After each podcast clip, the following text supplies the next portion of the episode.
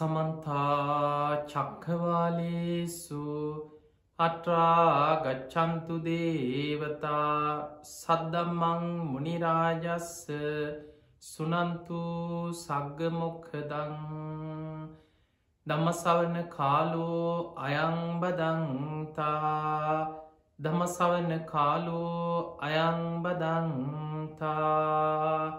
නමසවන කාලෝ අයංබදන්තා නමුතස්ස භගවතු අරහතු සම්මා සම්බුද්ධස්ස නමුතස්ස භගවතු අරහතු සම්මා සම්බුද්ධස්ස නමුතස්ස භගවතු අරහතු සම්මා සම්බුද්ධස්ස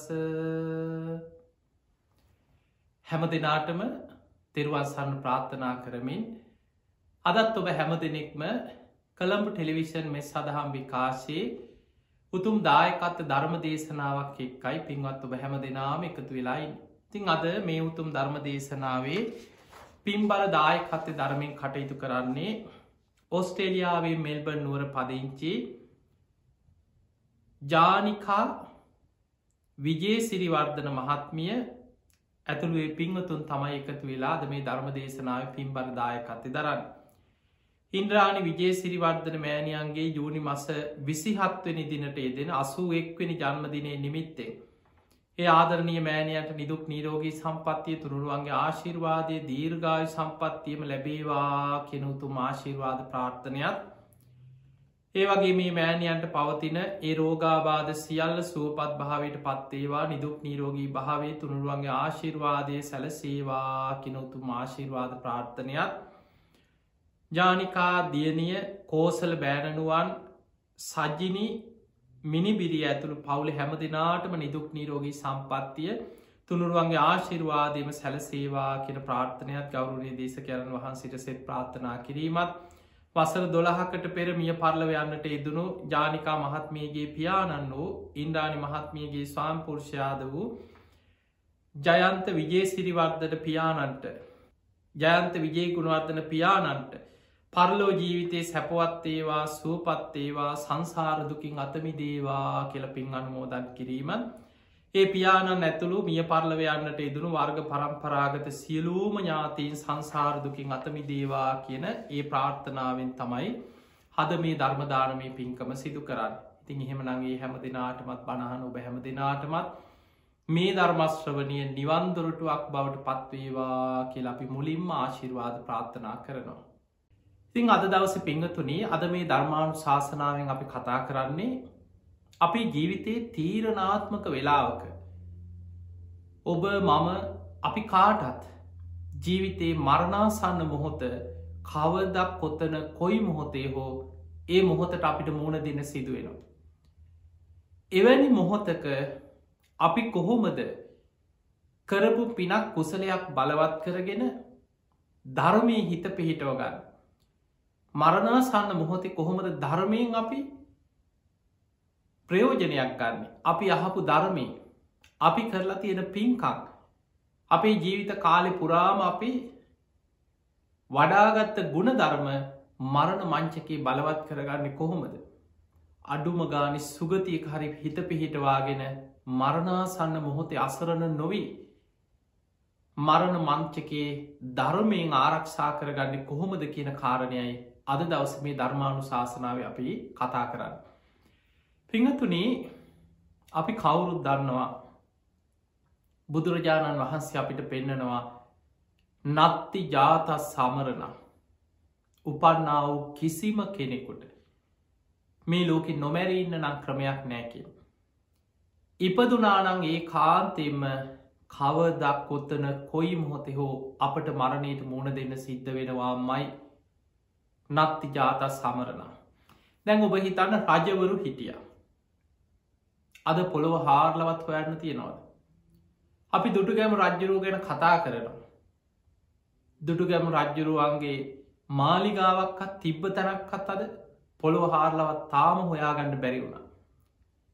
හැබැයි අපේ පිනකට ඒ දුටුගමු රජතුමා ඉදි කරපු ලොවා මහපායි කනුටිකාරය අද ඉතුරු වෙලා තියෙන රුවන්වැලි මහා සෑය මිරිස වැටි චෛත්‍යය වගේ ඒ දාග ඊට පස්සෙ කීප වතාවක් ප්‍රතිසංස්කරණය කරමින් ඒ තිබිච්ච තැන්වල ආයමත් ගොඩ නගලා අදායමත් මිනිස්සු වැඳුම් පිදුම් කරනවා. නමුත් ඒ පැරණි ගොඩ නැගිලි පැරණි රාජ සභහා ඒ රජවරු සිටුවරු හිටපු තැන් අද පොළොවට පස් වෙලා ගිහිල්ලා. ඔබ හල ඇති අතීතේ සක්විති රජවරු ඉදලා තියෙනවා. අද පොළොව හාරලවත් හොයන්න තරක් නෑ. ඒ සක්විති රජවරුන්ගේ මාලිකා මහා පුදුම විස්තර අපි දේශනාවල අහල තියෙනවා. හැබැයි අද අපිට අද අපි ජීවත්වෙන්නේ ඒ අතීත රජවරු අතීත මුතුන්මිත්තෝ අපේ මතීත පරම්පරාගත ඥාතීන් සමහර වෙලාවට අපිම පොළොවට පස් වෙලා ගිය ඒ භූමිවල අද අපි ජීවත්වෙන.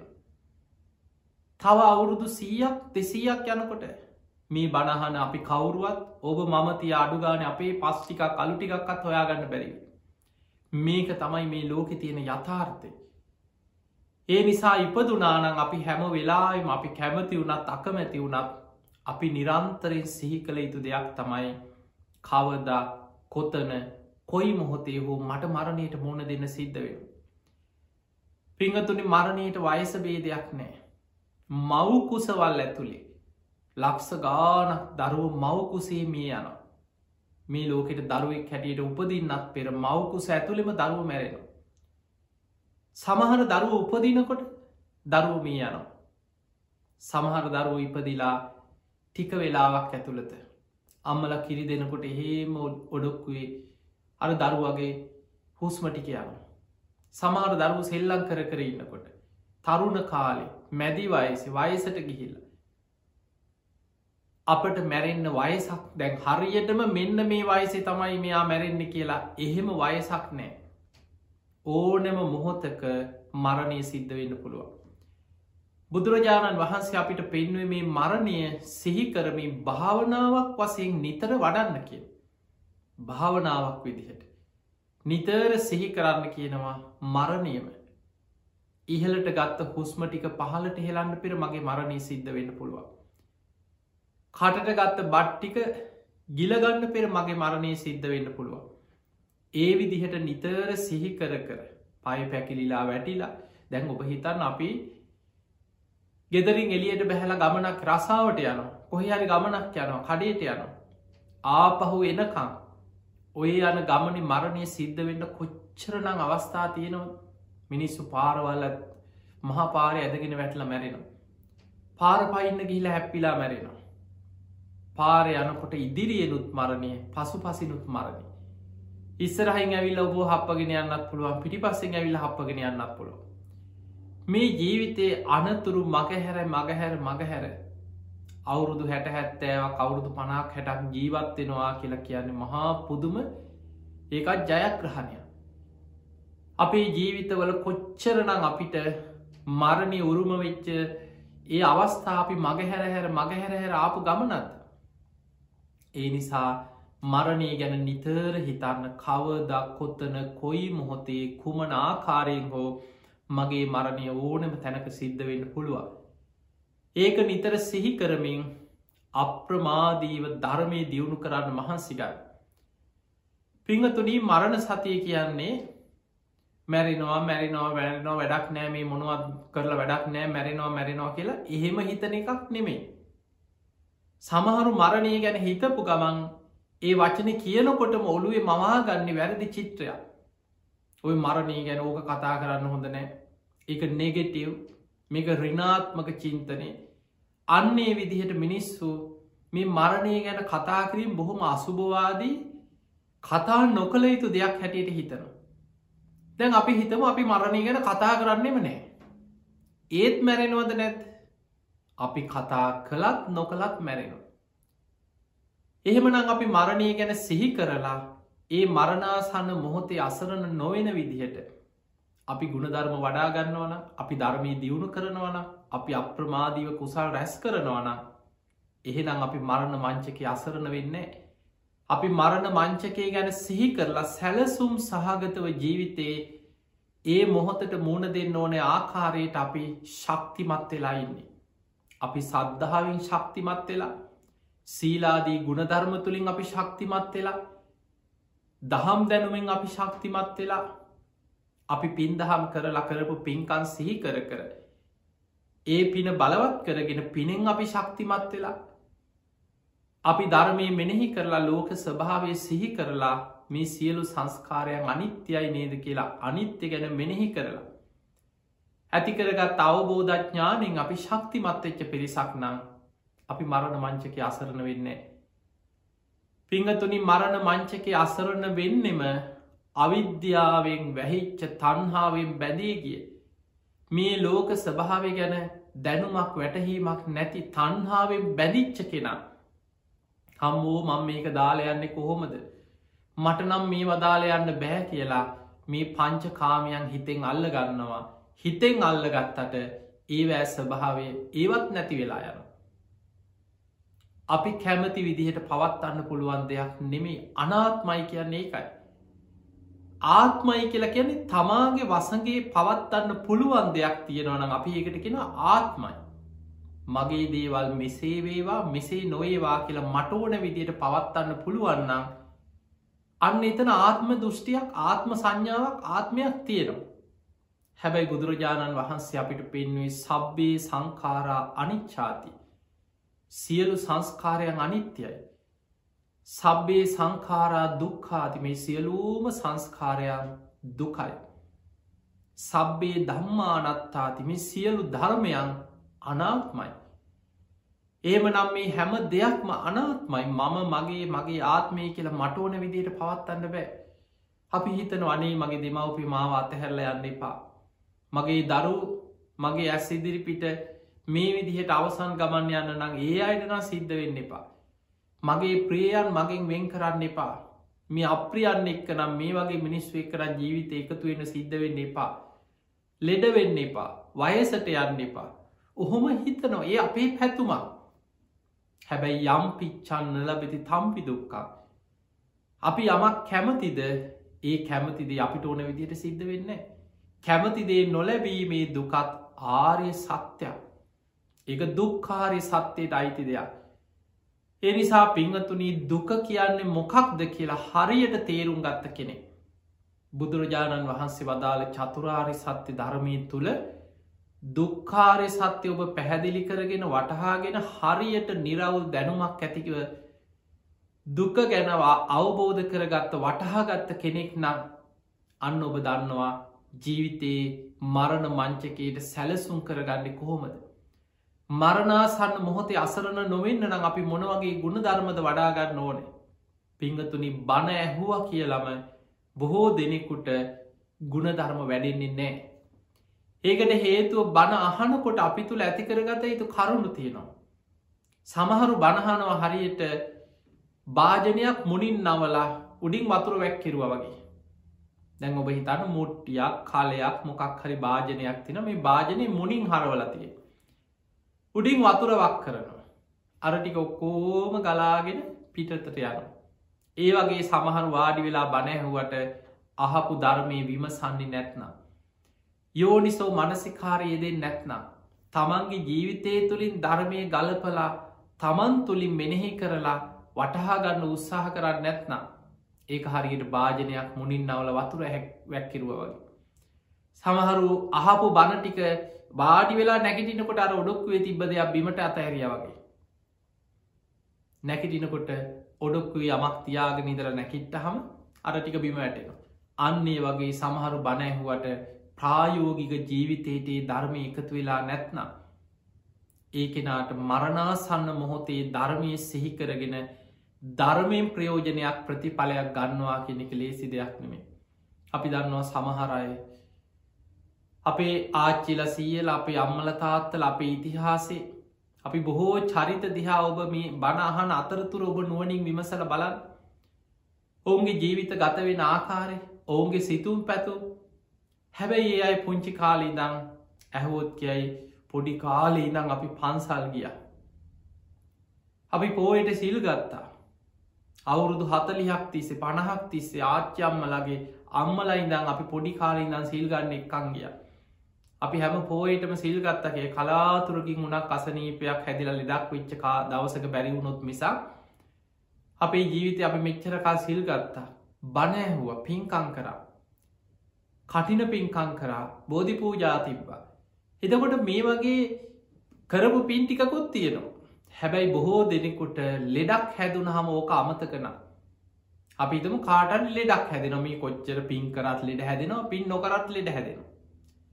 අපි කවුරුත් දරාගරන ලෙඩ වෙන ශරීරයක් බුදුරජාණන් වහන්සේ ලෙඩ වනානං අය අපි ලෙඩ වෙන හැටි අහන දෙයක්ය සාරා සංකීය කල්ප ලක්ෂයක් පාරමී පුරලා. අවුරුදු හයකට ආසන්න කාලයක් දුස්කර ක්‍රියා කළ මේ තුන් ලෝකෙම පහළ වෙච්ච පින්වන්තම කෙනා. ඒ නිසාපි උන්වහන්සේට කෙන භගවා භාග්‍යවන්තම කෙනා පින්වන්තම කෙනා. හැබැයි උන්වහන්සේත් ලෙඩ වුණා. බුදුරජාණන් වහන්සේත් වයිසට ගියා. උන්වහන්සේටත් කර්මජරෝග හැටියට කොන්ද අමාරුවක් තිබ්බ කියනවා ඔළුව කැක්මක් විටිං විට ඇති වුණා කියනවා. බුදුරජාණන් වහන්සේට බඩේ අමාරුවක් මාරාන්තික බඩේ අමාරුවක් වැලදිච්ච බව දේශනාවල සඳහන් වෙනවා. මහා පරණිබ්භාන සූත්‍රය ඔබ නිතර බණට අහල ඇති බුදුරජාණන් වහන්සේ පිරිනිවන් පාණ්‍ය යන ගමනේ උන්වහන්සේට ලේත් සමඟ බඩේලිය ගිය. ඒ අර බඩේ අමාරුව වැඩි වෙලා උත්සන්න වෙලා බඩේලි යනුව ලේ යන්නේ. දැන් හිතන්න බුදුරජාණන් වහන්සේත් ගිලන් වුණා ලෙඩ වුණා උන්වහන්සේත් වයසට ගියා. බුදුරජාණන් වහන්සේ මානන්ද හාදුරට බුදු මුයින්ම දේශනා කරන ආනන්ද දැම් මේ ශරීරි හරියට ජග්ගර සකටන් දිරාගේ කරත්තයක් වගේ. දිරාපු කරත්තයක් බොහොම අමාරුවෙන් පාරි පිරිසකර කරලා ඇදගෙන යන්න යම්සේද. දැම් මේ ශරීරය පවත්වගෙන යන්න ඒ විදිහට තමයි කෙන තතාගතයන් වහන්සේ. එහෙමනම් අපිට පේන උන්වහන්සේත් ලෙඩ වුණා. බුදුරජාණන් වහන්සේත් වයිසට ගිය. එහෙමනම් ඔබ මම අපි කවුරුත් වයිසට යන ලෙඩ වෙනවා. උපන්නා වූ සෑම සත්වයකුටම මේ ධර්මතාවය පොදුයි. මනුස්සෙක් වේවා සතෙක් වේවා දෙවියෙක් බ්‍රහ්මයෙක් වේ දෙවියොත් වයිසට යන. ධර්මී සඳහන් වෙනවා දෙවියන්ගේ ජරාවට පත්වීම ගැන මේ මනුස්්‍යයන්ගේ ශරීරවලට වඩා වෙනස් හැබැයි. දෙවියන්ගේ ශරීර සියුම් ශරීර ඕපපාතිකව පහළ වෙන දිවිය මේ ශරීර ඒ දෙවියන්ගේ ජරාවට පත්වීම කියලා කියන්නේ දෙවියන්ගේ අර දීප්තිමත් දිවිය ශරීර දුරුවරණ වෙලා යන.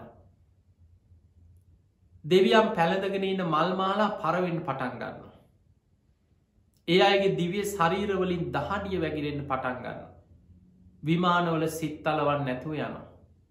මෙන්න මේ වගේ සලකුණු ලකුණු පහළ වෙනකොට අන්න අනි දෙවුරු දැනගන්නවා දැම්මයාගේ ආවිශ ඉවරයි දැම්මයා චුතවෙන්න ආසන්න වෙන්න මේ ජරාවට පත්වෙනවා දැම්මයා දිවිලෝකින් චුත වෙන්න යන්න කියන ලකුණු ඒ වගේ පහළ වෙන. ඒමනං අපිට පේනවා මනුස් කවුද ඉපදුනේ? උපන්නා වූ සෑම සත්වයෙක්ම නත්ති ජාත සමරණ නොමැරී ඉන්න ක්‍රමයක් ලෝකෙනෑ. ඒමනම් පිංහතුනි මේ ධර්මතාවය තුළ අපි කොහොමද මරණාසන්න මොහොත අපේ ජීවිතයක් ධර්මය තුළින් සැලසුම් කරගන්න? මේක ඉතාම වැදගත්තය බුදුරජාන් දැන් අපි හිතම් මෙහෙම. අපි කවුරුත් මැරෙන්නේ සෝවාන් වෙලාම නම් අපිට යමුතුවෙන් සැලසුම් කරත් නැතත් අපි සතරාපායෙන් මිදිලා ඔබහල ඇති සෝතාපන්න වෙච්ච ශ්‍රාවකයාගේ ලක්සන කෙනෙක් සෝවාන් පලට පත්වෙනවා සමගම අපායගාමි අකුසල් සියල් ඔහු තුළින් ප්‍රහාණය වෙලා යනවා. ඔහු අපාය උපදිනවා කියන එක සෝවාන් වෙච්ච කෙනෙක් සතරාපායකට වැටෙනවා කියන එක සිද්ධ නොවෙන දෙයක් එක කවදාවත් වෙන්න ඇති දෙයක්. උපරි මාත්ම හතයි නතේ බවන් අට්ටමං ආදී ඇති අටවෙනි භවයක උපදින්නෙම නෑ. ආත්ම හතක් ඇතුළත ඉතිරි මාර්ග පල අවබෝධ කරගෙන සංසාර ගමන අවසන් කළ පිරිනිවන් පාන. ඒ තමයි සෝවාන් වෙච්ච පුද්ගලයගේ ලක්සන ඒමනා සෝවාන් වෙච්ච කෙනා ඒ කාන්තයෙන් සුගතියේ දෙව්ලව හෝ මනුලව කාමලෝකෙ සුගතියක උපදින්. බොහෝ දුරට දිවිය ලෝකවල තමයි උපදින්. එහෙමනම් සෝවාන් වෙච්ච කෙනෙක්ගේ මරණාසන්න මොහොතේ කුමක් වෙයිද මොකක් වෙයිද එහෙම ලොකු බයක් නෑ. ඔහු ඒ කාන්තය සුගතිය උපදිනවාමයි. හැබැයි සෝවාන් මට්ටමින් පහල ඉන්න කෙනා. පෘතජ්ජන මට්ටම ඉන්න කෙනාට බණ ඇහුවත් ඔන්න ඔය අනතුර තියෙනවා. යා බනාහනවා සිල් ගන්නවා පින්කං කරනවා භාවනත් කරනවා ටික ටික මේ ගුණධර්ම වඩාගෙන යනවා. එය සෝවාන් මාර්ගි වඩාගෙන යන්නමේ යාගෙන් ඇහුවොත් ඇයිවා සීල්ගන්නේ ඇයිවා මෙච්චර මේ බණහන්න ඇයි මේ දම්පින්කං කරන්න? ඇයිවා භාවනා කරන්න? මොකදට මෙච්චර දහම් දැනුමක් ඇති කරගන්න ඔයා උත්සාහ කරන්න. එදකොට බොහෝ දෙනෙක් කියන වනේ කොහොමහරි සෝවාන්වත් වෙන්න ඕන. මේ ජීවිතය අවසන් වෙන්න කලින් අනේ සෝවාන්වත් වෙන්න තියෙනවනම් එහෙම පැතුමක් ඒ වගේ අපේක්ෂාවක් බොහෝ දෙනෙක්ගේ හිතේ තියෙනවා හැබැයි අපේක්ෂාව තිබුණට අපි කැමති විදියට අපිට ඕන විදිහට ධර්මාවබෝධය ලැබෙන්නේ. ඒ ධර්මය අවබෝධ වෙන්නෙත් හේතුවක පලයක් හැටියට.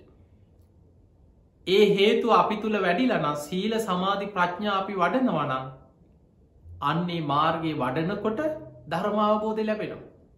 එක හේතුවක පලයක් හේතු පල ධර්මතාවයක් තියේ. අපි දුක අවබෝධ කරන්නේ යම් ප්‍රමාණයකටද ඒ ප්‍රමාණයටම තන්හාව ප්‍රහාණය වෙනවා නිවන සාක්ෂාත් වෙනවා සීල සමාධි ප්‍රඥා වසයෙන් ඒ ප්‍රමාණයට මාර්ගය අපි තුළ වැඩෙනවා. ඒ නිසා මේ අපි විසින් කරක බුදුරජාණන් වහන්සේ පෙන්න්නත් තුම්හේ කිච්චං ආතප්පා මහනෙනී ඔබමයි ඔබමයි මේ දේ කරගත යුත්තේ. අක්කාතාරෝ තතාගතා බුදුරජාණන් වහන්සේලා කරන්නේ මඟ පෙන්නනවා පාර පෙන්නනවා මඟ කියල දෙනවා විතරයි. මේ ධර්මය අවබෝධ කරගත යුත්තේ තමා විසින්මයි. බලෙන් කාවත් මෙන්න ඔයා සෝවාන් වෙන්න ඔන්න ඔයාට සෝවාන් පලේ එහෙම දෙන්න පුළුවන්කමක් නෑ. ඔයා සකදාගාමීන්න කැමතිද ඔන්න ඔයාවමන් සකදාගාමි කරා කියලා එහෙම දෙන්න පුළුවන්කමක් නෑ. එහෙම පුළුවන්නම් මාර්ග පල බුදුරජාණන් වහන්සේ මේ උන්වහන්සේට මහා කාරුණික බුදුරජාණන් වහන්සේ තමයි මහා කාරුණික මේ ලෝක සත්‍යයන් ගැන උන්වහන්සේගේ හදවතේ තමයි මහා කරුණාව පැනනැක්.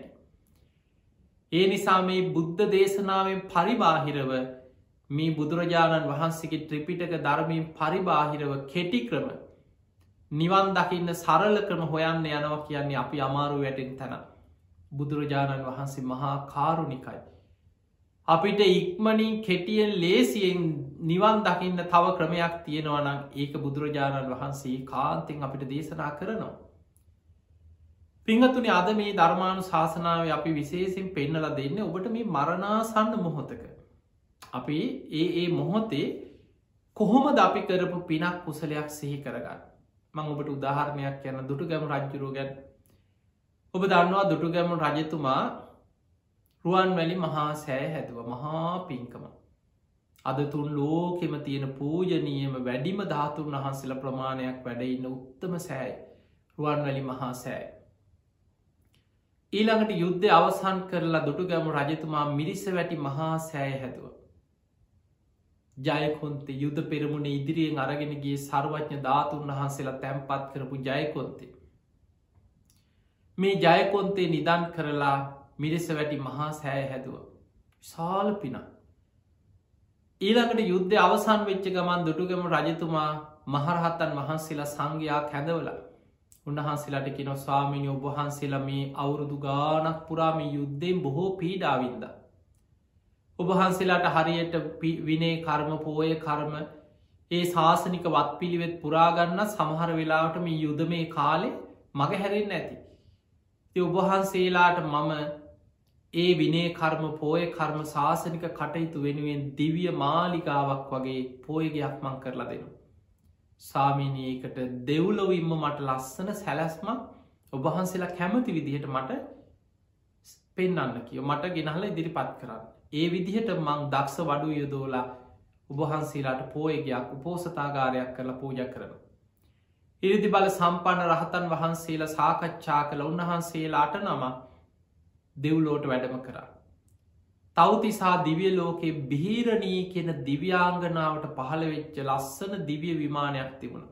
නව මහල් දිවිය ප්‍රාසාදය. මෙන්න මේ ප්‍රාසාදය සැලැස්ම මහරහතන් වහන්සේ නමක් සැලසුම් කරගෙන ඒක සටහන් කරගෙන සිතුවම් කරගෙන ඇවිල්ලා රජතුමාට දුන්න රජතුමනි මේ දෙව්ලොව බිහිරණී කෙන දිව්‍යාංගනාවට පහළ වෙලා තියෙන දිවිය විමානි සැලස්ම. මේ වගේ සැලස්මකින් පුළුවන් ප්‍රමාණයට මනුලෝ අපි වඩුවන් දම්මල දක්ෂ සිල්පීන් ලවා මේ හැඩින් යුක්ත උපෝසතාකාරයක් සංඝයාට කරලා පූජ කරන්න පුළුවන්නම් හොඳයි කියව. දුඩුගැමු රජතුමා දක්ෂම නිර්මාණ සිල්පීන් කැඳවලා ඉක්මනින්ම නවමහල් ප්‍රාසාදයක් හැටියට ලෝවා මහපාය කරවලා සංඝයාට පෝය කරන්න උපෝසතාගාරයක් හැටියට පූජ කර. දැම් මේවා කොච්චර මහා පින්කන්ද කියලා හිත. ඊළඟට දන් දුන්න මහා පින්කං කරා සංඝයාට උදව්පකාර කර. හැබැයි දැම් මේ පින්කං කරගෙන මේ විදියට ආවට ඊට කලින් දුටු ගැමුණු රජතුමාගේ චරිත යම් යම් තද ලක්ෂණ බොහොම හිතුවක්කාර ලක්ෂණ. තමන්ගේ පිය රජ්ජුරුවන්ට පවා එකඟ නොවෙච් ඔබහල ඇද දුටු ගැමණු කුමාරය තමන්ගේ පිය රජ්ජුරුවන්ටත් කාන්තා ඇදුම් යවල තමයි පැරල ගිහිල හැඟිලත් හිටිය කාලය. යුද්ධ කරන්න නැති නිසා. එතකොට මිනිස්සු කිවේ මෙයා දුෂ්ටගාමනී මෙයා බොහොම දුෂ්ටයි. මෙයා බොහොම හිතුවක් හාරයි දෙමවපියන්ටවත් කීකරු නැති කෙනෙ දෙමවපියන්වත් අතහැල්ලා කාවන්තිස්ස රජ්ජුරුවන්ගේ මරණීටවත් ආවෙන ඔහොම තයි මිනිස්සු කිව. ඒ කාලේ මෙ හැංගිලා හිටිය බයට. එතකොට අවසානය රජකම වෙනුවෙන් තමන්ගේ සහෝදරයත් එක්ක යුද්ධත් කර. සද්ධාතිස රජ්ජුරුව දුටු ගැමණු කුමාරය දෙන්න යුද්ධ කරගත්ත. රජකම වෙනුවෙන් කීප වතාව. ඒ දෙන්නගේ යුද්ධවලට මැදිවිලත් මිනිස්සු මැරුම් කැරව.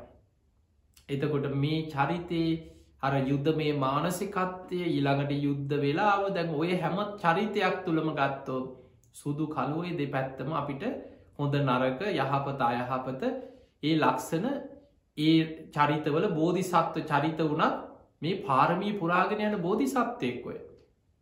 මෛත්‍රී බුද්ධ ශාසනය අග සව තනතුර ප්‍රාර්ථනා කරගෙන යන මහා පින්වන්ත කෙනා. හැබැයි මතක තියාගන්න ජීවිතයේ අපි කාගේ ජීවිතවල හරි වැරදි වැරදිච්ච තැන් ඕන තරන් ඇති. ඒ සියල්ල ඒවා හිත හිතා මං මෙහෙම පවකං කරා යෝ මං මෙහෙම පවකං කරා ඒ කාල් නොදැන්න කාලෙ මෙහෙම පව් වැඩ කරා ඕව හිත හිත ඉන්නේ. මේ බුද්ධ ශාසනයේ දියුණු කරා යන ශ්‍රාවකයා සබ්බ පාපස් සකරන සියලු පාපි අකුසල් වලින් වලකිනෝ. ඒ වලකිනා විතරක් නෙමේ පෙර වැරදි අකුසල් හිතෙනුත් බැහැර කරනවා. ඒවා හිත හිත හිතෙන් වඩන්න ඒවා හිතෙන් පවා බැහැර කරලදාන්න. කුසලස් උප සම්පදා පුළුවන් තරම් පින් කරනවා කුසල් වඩනවා පුුණ්‍යගාමී කුසලගාමී මාර්ගයක් පුරුදු කරනවා. ඒව තමයි හිතන්නේ. මං මෙහෙම පින් කරා මං මේ වගේ පින් කරා මගේ ජීවිතේ මං මෙහෙම පින් කරගත්තා ඒ පින හිතන්න හිතන්න පින බලවත්වෙනවා පින බොහෝම් බලවත්වෙනවා පින හිතන්න හිතන්න. සචිත්ත පරියෝධපන තමන්ගේ හිත දමනය කරගන්න. අර අකුසල්වලට බලවත්වෙන්න ඉඩ නොදී කුසල් බලවත් කරමින් හිත දමනය කරන. එක භාවනාවෙනුත් කරන. සමත විදර්ශනා භාවනාවලින් හිත දමනය කිරීම ඉහලින්ම කරගන්න පුළුව. ඒ තම් බුද්ධානු ශාසනම් මේක තමයි බුදුරජාණන් වහන්සේලා අපිට පෙන්න්නන අනුශාසනා. එතකොට අපි දුටු ගැමනු රජ්ජුරුව ගැන කතා කරේ ඔය රජතුමා ඔය මහා පින්කං කරාට රුවන්වැලි මහා සෑය අවසාන කාලි වෙනකොට අන්තිම තාම හදල ඉවර කරන්න හම්බුනෙත් නෑ. හතරැස් කොටුවේ වැඩ අවසන් වනා පමණයි රජ්ජුරුව ලෙඩ ඇඳට වැටුණ. මරණා සන්න වුණ. රජ්ජුරුවොත් සදාකාලික ඉන්න රජෙක් නෙමේ දුටු ගැමු රජ්ජුරුව වනත් මොන රජ්ජුරුව වනත් ඉපදුනානං ලෙඩ වෙනවා වයසට යනවා කවදක් කොත්තන කොයි මොහොතේ හෝ මරණයට මෝන දෙන්න සිද්ධ වෙනවා. රුවන්වැලි සෑය හැදුවත් මොන තරන් චෛත්‍යය හැදුවත් ඒ රජ්ජුරුවන්ටත් ලෝක ධර්මතාවය උරුමයි. රාජිකය වෛද්‍යවරු ගෙන්නලා ප්‍රතිකාර කෙරෙව්ව හැබැයි වෛද්‍යවරු කිව්ව රජතුමාගේ තත්ත්ේ දවසින් දවස හොඳාට අතට නෙමෙයි හැරෙන් රජ්ජුරුවන්ට අවසාන මොහොත මේ රජ්ජුරුවන්ගේ ලංවෙන් ඉක්මනට දිගා මඩුල්ල හිටපු තිස්ස කුමාරය අනුරාධපුරයට කැඳවලා රජකම දුන්න. දුටුගැම රජ්ජුරුවෝ ඇදේ ඉදගෙන කියනවා මලනුවනේ මගේ අන්තිම හුස්මටික යන්න කලින් මේ රුවන් වැලි මහා සෑයි වැඩ අවසන් කර ලනේ මට පේන සලස්ස පමල්ලිය කියෝ. සද්ධාතිස්ස රජතුමා ඉක්මනින් ඉක්මනින් මහා සෑයි වැඩ කෙරෙව්වා අවසාන ටික දැනගත්ත රාජකයේ වෛද්‍යවරුන්ගේ උපදෙස් සනුව තවනන් දවස් කීපයක් අත්දුටු ගැමුණු රජ්ජුරුවෝ ජීවත්වන එකක් නෑ. ඒ නිසා අන්තිම වෙලාවේ කොත් කැරැල්ල මේ හරිය මේ කොත මුදුල් කොතනට යනකං කොත් කැරැල්ල ලී දඩු තියලා වටේට බැදල සුදුරෙදි ඔත්තල අන්තිම ටික රෙදිවලින් ඔත්තල මවල හැදුව. ඉවරයි වගේ පල්ලහැයින් බලකොට ඉවරයි වගේ පේනු මහා සෑ හැබැයි උඩ තාම කොත් කැරැල්ලි වැඩ අවසන්නේ මේ විදිහට වැඩ ටික ඉවරයි වගේ සම්පූර්ණයෙන්ම ඒ ටික හදලා ගිහින් කිව් අයන්ඩිය මහා සෑ වැඩ අවසන් කරා අනේ මා උත්සගෙන පලයල්ලා කිව ඉක්මනට මහා සෑ බලන්න මට මා මළුවට උත්සං යන්න කිය අමාත්‍යවරු එක්ක ඇද පිටිම උත්සගෙන දුඩු ගැමුණ රජ්ජුරුවන්ව මළුවට මහා සෑ මළුවට එක් කරගෙනාව. ඈතට සුදෝ සුදුවට මහා සෑ පේනවා සාධු කාරදිදී සතුටෙන් වන්දනා කර. මළුවට උත්සංආවට පස්සෙ කීවානේ මා උත්සගෙන ප්‍රදක්ෂිනාකරෝ පල්ලාකයො මේ මහා සෑ වටේට මා උත්සගෙන යන්න. බුදුගුණ කිය කියා මහා සෑ දිහා බලාගෙන පුදුම සතුටකින් තමන් කරපු පින් අනුමෝදන් වුණා. ඔය අතරේ අමාත්‍යවරයකුට මතක් වුණා රජ්ජුරුවගේ පින් පොත. මාලිගාවෙදි දිනපතා නිතර සිදුකරපු පින්කම් පොතක ලියලියා තිබ්බ. ඔහු දුවගෙන ගිහිල්ල පින් පොතත් අරගෙනාව. තැ රජ්ජුරුවන්ට හොඳට මමාරුයි මළුව කෙලවරකින් මාව තියන්නකි වැඳ පිටිම්. එක පැත්තකට හැරෙනකොට ඈතින් පේනවා ලුවා මහපාය සංඝ්‍යාවෙනුවෙන් හදල පූජාකරපු පෝසතාගාරි සාධු කාරදීල ඒ දිහාට වන්දනා කරා. අනි පැත්තට හැරිලා හිස යන්තන් ඔසවල බලනකොට ඈතින් පේනවා මිරිස්ස වැටි මහා සෑය ජයකොන්ත නිදන් කරලා හදපුේ චෛත්‍යය සාධු කාරදීලා වන්දනා කරරුවන් වැලි මහා සෑදිහා බලාගෙන වැඳගත්තා. අර අමාත්‍යවරය ළඟ ඉඳගෙන් දුටුගැම රජ්ජුරෝ කරපු පින්කා රජතුමාට මතකද රජ්ජුරුව මෙහෙම පින් කරා රජ්ජුරුවන්ට මතකේ රජතුමා මෙහෙම පින්කං කරා රජතුමා මේ වගේ පින් කරා නේද කියලා අර කරපු පින්කං එක එක එක එක පිම්පොත පෙරල පෙරල සිහි කරනවා රජ්ජුරුව සාධු කාරදිදි අර පින් සිහි කරනවා. ඔහොම පින්පොත කියවනකොට මහරහතන් වහන්සේලාට දෙවියම් දැනුන් දුන්නා රජතුමාගේ මරණාසන්න මොහොත. බොහෝ රහතන් වහන්සේලා භාවනාවෙන් මේක දැක්කා. ඒ ඒ රහතන් වහන්සේලා අහසිම්ම මළුවට වැඩම කරා. බොහෝ රහතන් වහන්සේලා අහසිම් මළුවට වැඩිය. ඒ අතර තේරපුත්තාබි මහරහතන් වහන්සේ අර යුද්ධ පෙරමුණේදා දස මහයෝධය අතර ඉඳලා පස්සේ පැවිදි වෙලා රහත් වුණ. උන්වහන්සේ සඟ පිරිස පිරිවරාගෙන වැඩිය. මේ රහතන් වහන්සේලා පිරිත් කියනවා. ඒ පිරිත් කියදේ රජතුමා වැදගෙන පිරිත් අහනවා කරපු පින් පොතේ පින්කන් සිහි කරන. රජ්ජුරුවන්ට අහසේ පේනවා දිවිය රත හයක්.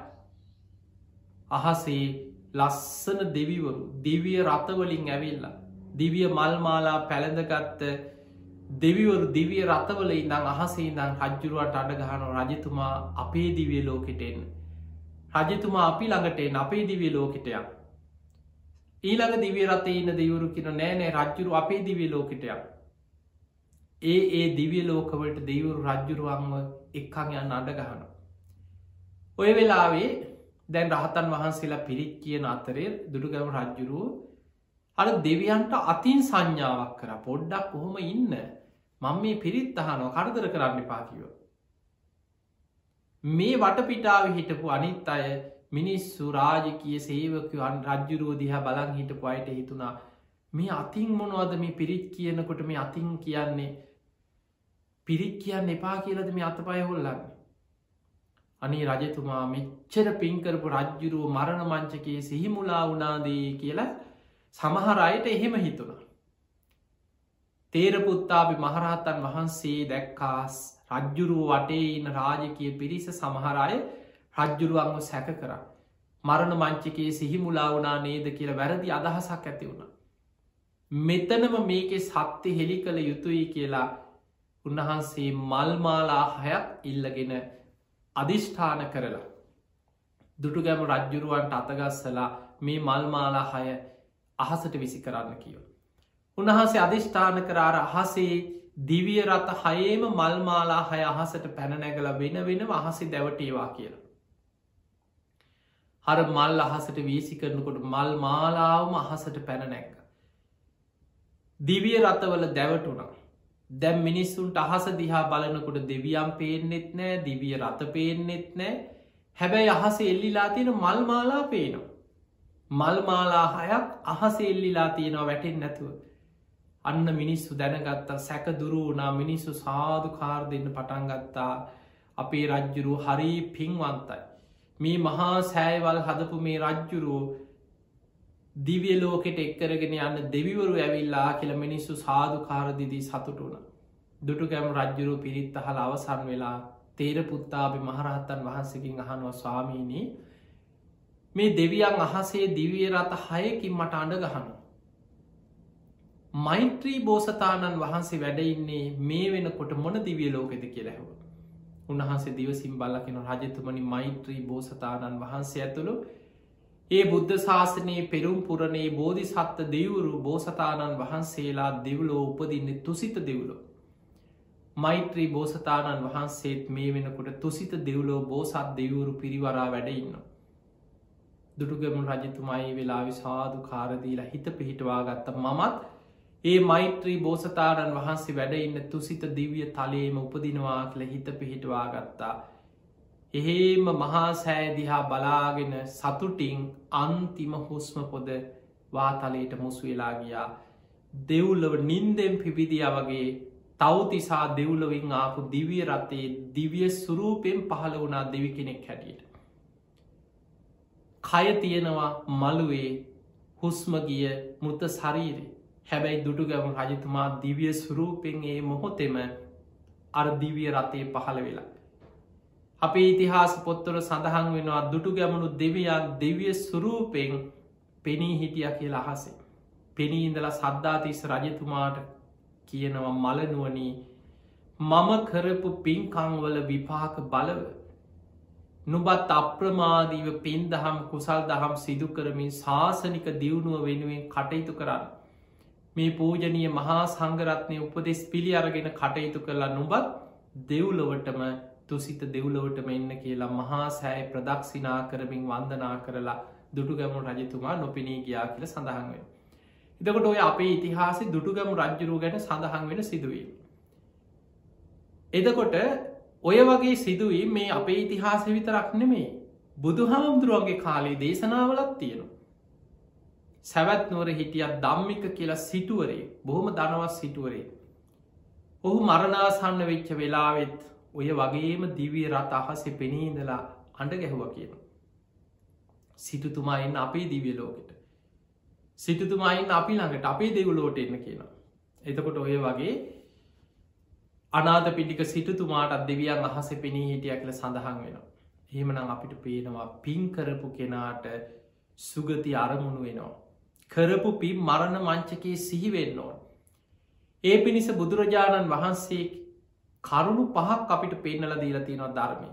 සද්ධහා සීල සුත තියාග ප්‍රඥා මෙන්න මේ කරුණු පහ වඩල ඒ කරුණු පහ සිහි කරමින් මා තුළ මේ කරුණු පිහිටා තියෙනවා කියලා මෙනෙහි කරලා සුගතියක් අරමුණු කරලා හිත පිහිටවාගෙන හිත වඩන්න කිය. මොකද පිංහතුන සෝවානුනත් උපදින්නේ දිවිය ලෝකේ. සකදාගාමි වුනත් ඊළඟ ජීවිතය දෙව්ලව උපදිනවා. අනාගාමි වෙලා හිටියත් සුද්ධවාස බබල උපදිනවා. රහතන් වහන්සේලා විතරයි මේ ජීවිතය පිරිනිවන් පාන්නේ තියහෙමනං එවැනි කිසිම මාර්ග පලයක් නැති පෘතජ්ජන කෙනෙක්.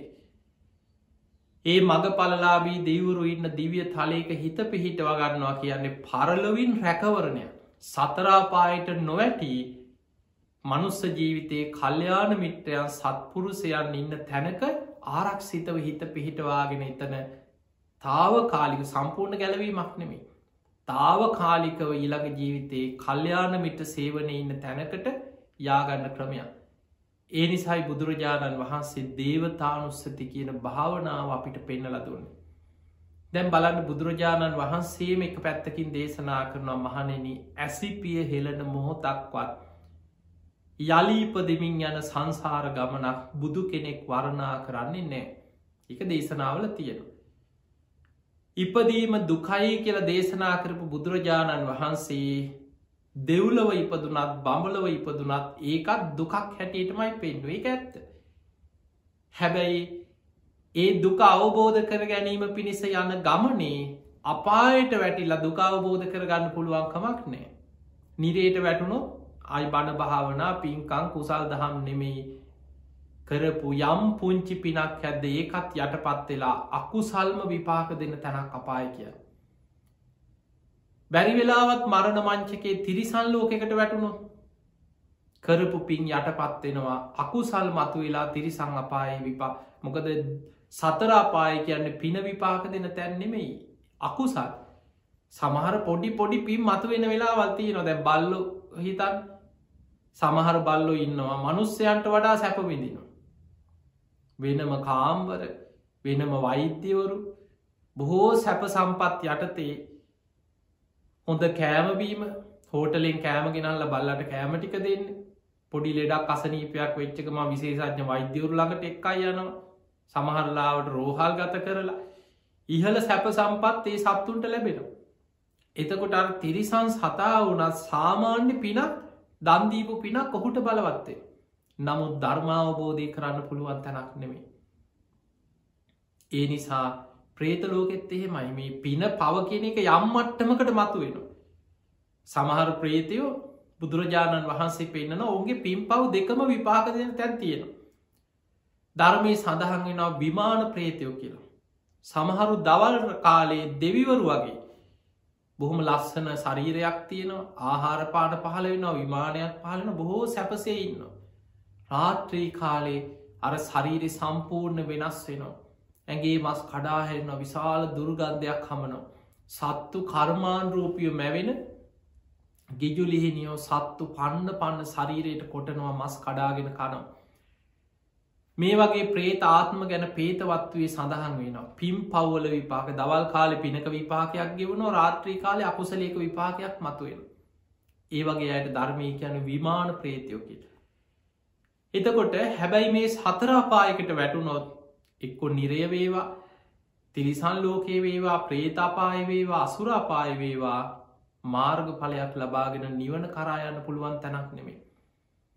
යන්තන් හරි ගැලවෙනවනං මනුස්ස ලෝකෙ ඊටත් වඩා ගැලවෙනවන ධර්මය දියුණු කරගන්න පුළුවන් දෙව්ලව බමලව ධර්මාවබෝධය කරා යන්න පරිසරය තියෙනවා.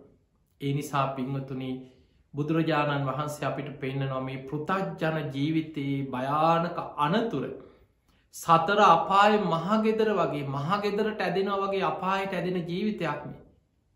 සතරාපාය මහගෙදර කරගෙන යන මේ සංසාරික සත්වයාට ඒ අපායෙන් තාව කාලිකව හරි ගැලවිලා කල්්‍යයාන මිත්‍රයන් ඉන්න සත්පුරුසයන් ඉන්න තැනකට හිත පිහිට වන්න පුළුවන්න. අන්නේ නිසා දේවතානුස්සති භාවනාව බුදුරජාණන් වහන්සේම බුදුමුවින් දේශනා කරලා තියෙනවා.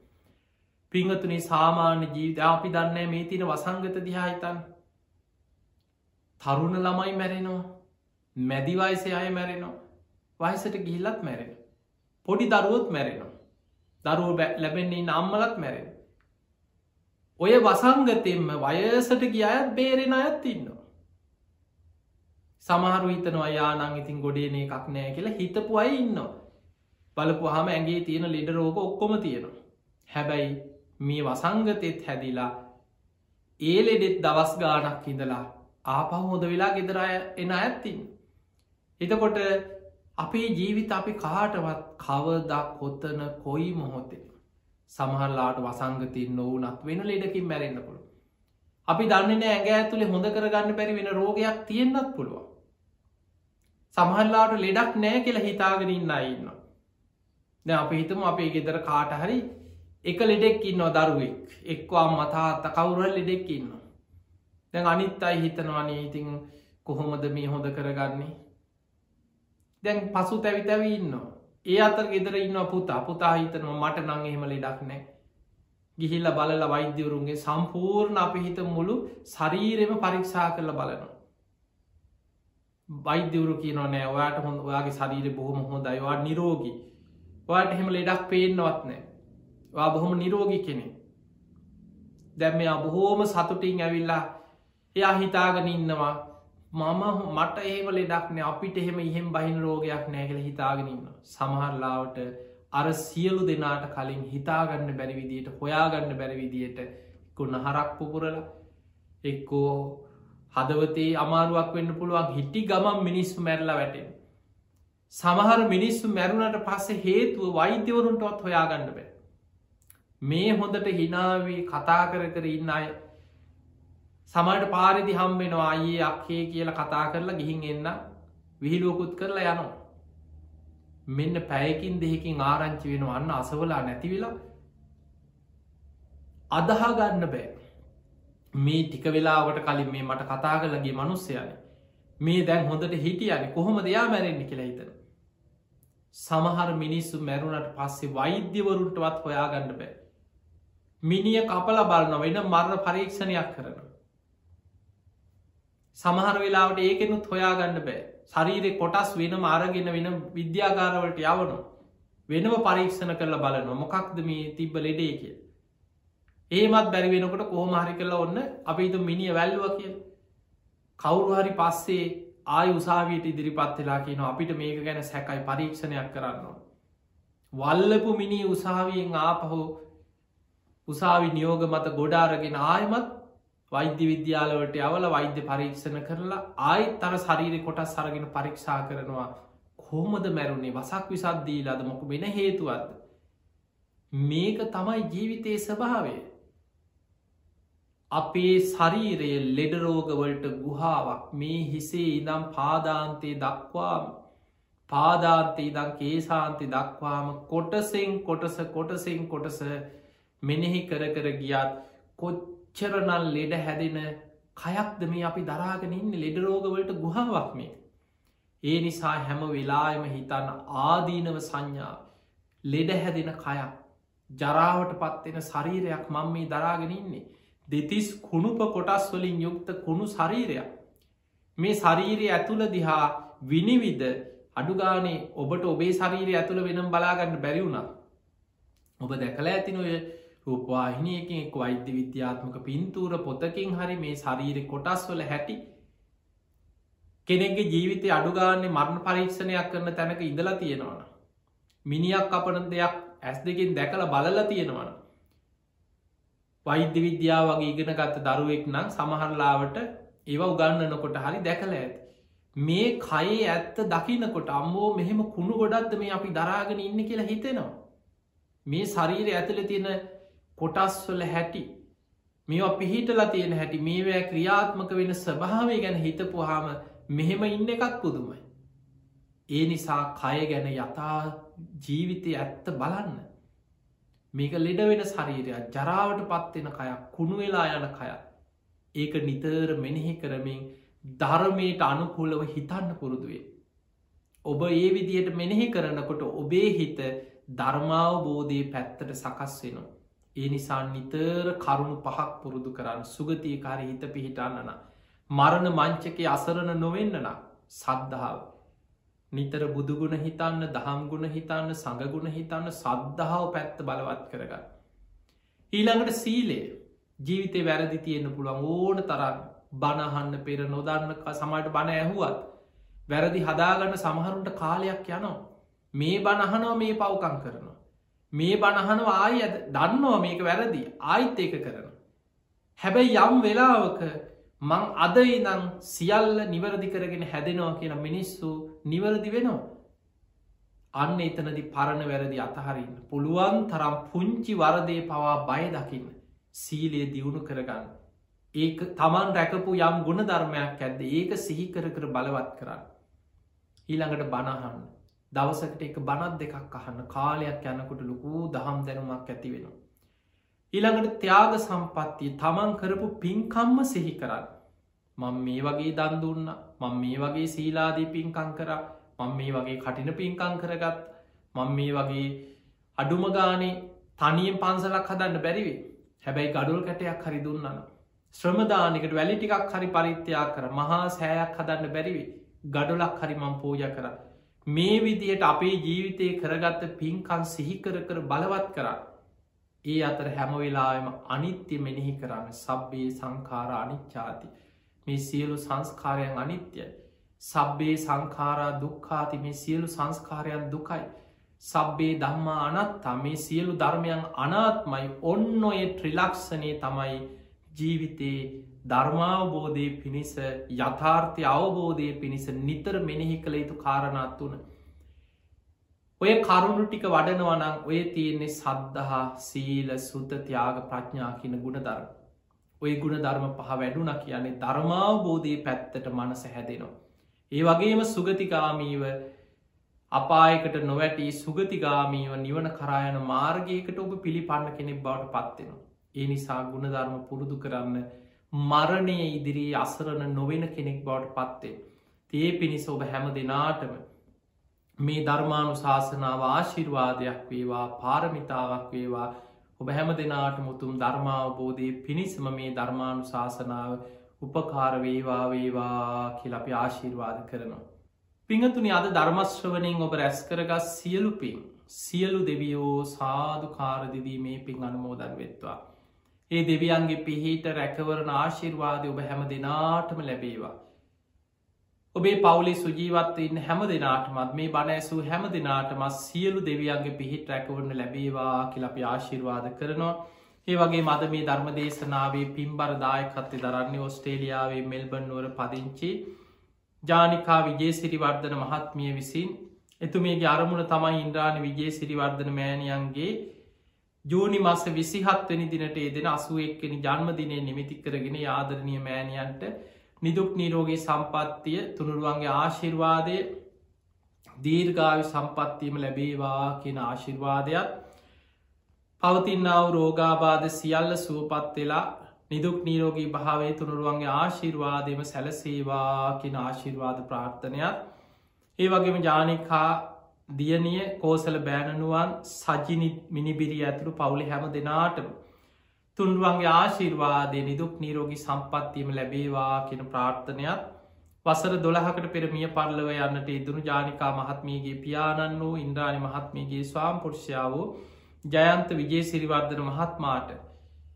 පරලව ජීවිතයේ සැපවත්වේවා සුවපත්තේවා සංසාරදුකින් අතමිදේවා කියලපින් අනුමෝදන් කිරීමත් ඒ වගේ මිය පරලවගේ සියලූම ඥාතීනු සාධු කාරදිදී මේ පින් අනුමෝදන් වෙත්වා ඒ අයගෙත් පරලොව ජීවිත සැපවත්වේවා සුවපත්තේවා සංසාරදුකින් අතමිදේවා කියන ප්‍රාර්ථනය පිංහතුන්ගේ උතු මරමුණු අතර සඳහන් වෙනවා. තිගේමනං ඔස්ට්‍රේලියාවේ මෙල්බන්ුවර පදිංචි ජානිකා විජේ සිරිවර්ධන මහත්මිය එතුමියගේ මෑනියන් ඇතුළු පවුලි හැම දෙනාමත් ඔබ හැම දෙනාමත් බනෑසූ හැම දෙනාමත් ලක්වාසී ලෝවාසි හැම දෙනාමත් නිදුක්වේවා නිරෝගිවේවා සුවපත්තේවා ඔබ හැම දෙනාටම සද්ධාදී ගුණ ධර්ම දියුණු කරගෙන උතුම් වූ ධර්මීම අවබෝධ කරගන්න වාසනාව ලැබේවා ලැබේවා ලැබේවා කිලපි ආශිර්වාද කරනවා. ආකා සට්හාජිබුම්මට්හා දේවානාගා මහිද්දිකා පුඤ්ඥන්තන් අනුමෝදිත්වා. චිරන්රක් කන්තුලෝක ශාසනං ආකා සට්ටාචිබුම් මට්හා දේවානාගා මහිද්දිකා පුඤ්ඥන්තන් අනුමෝදිත්වා චිරන්රක් කන්තු දේශනං ආකා සට්හාචිබුම් මට්හා දේවානාගා මහිද්දිකා පුඤ්ඥන්තන් අනුමෝදිත්වා චිරන්රක් කන්තුතුවන් සදා හැම දෙනාටම සම්මා සම්බුදු සරණයි.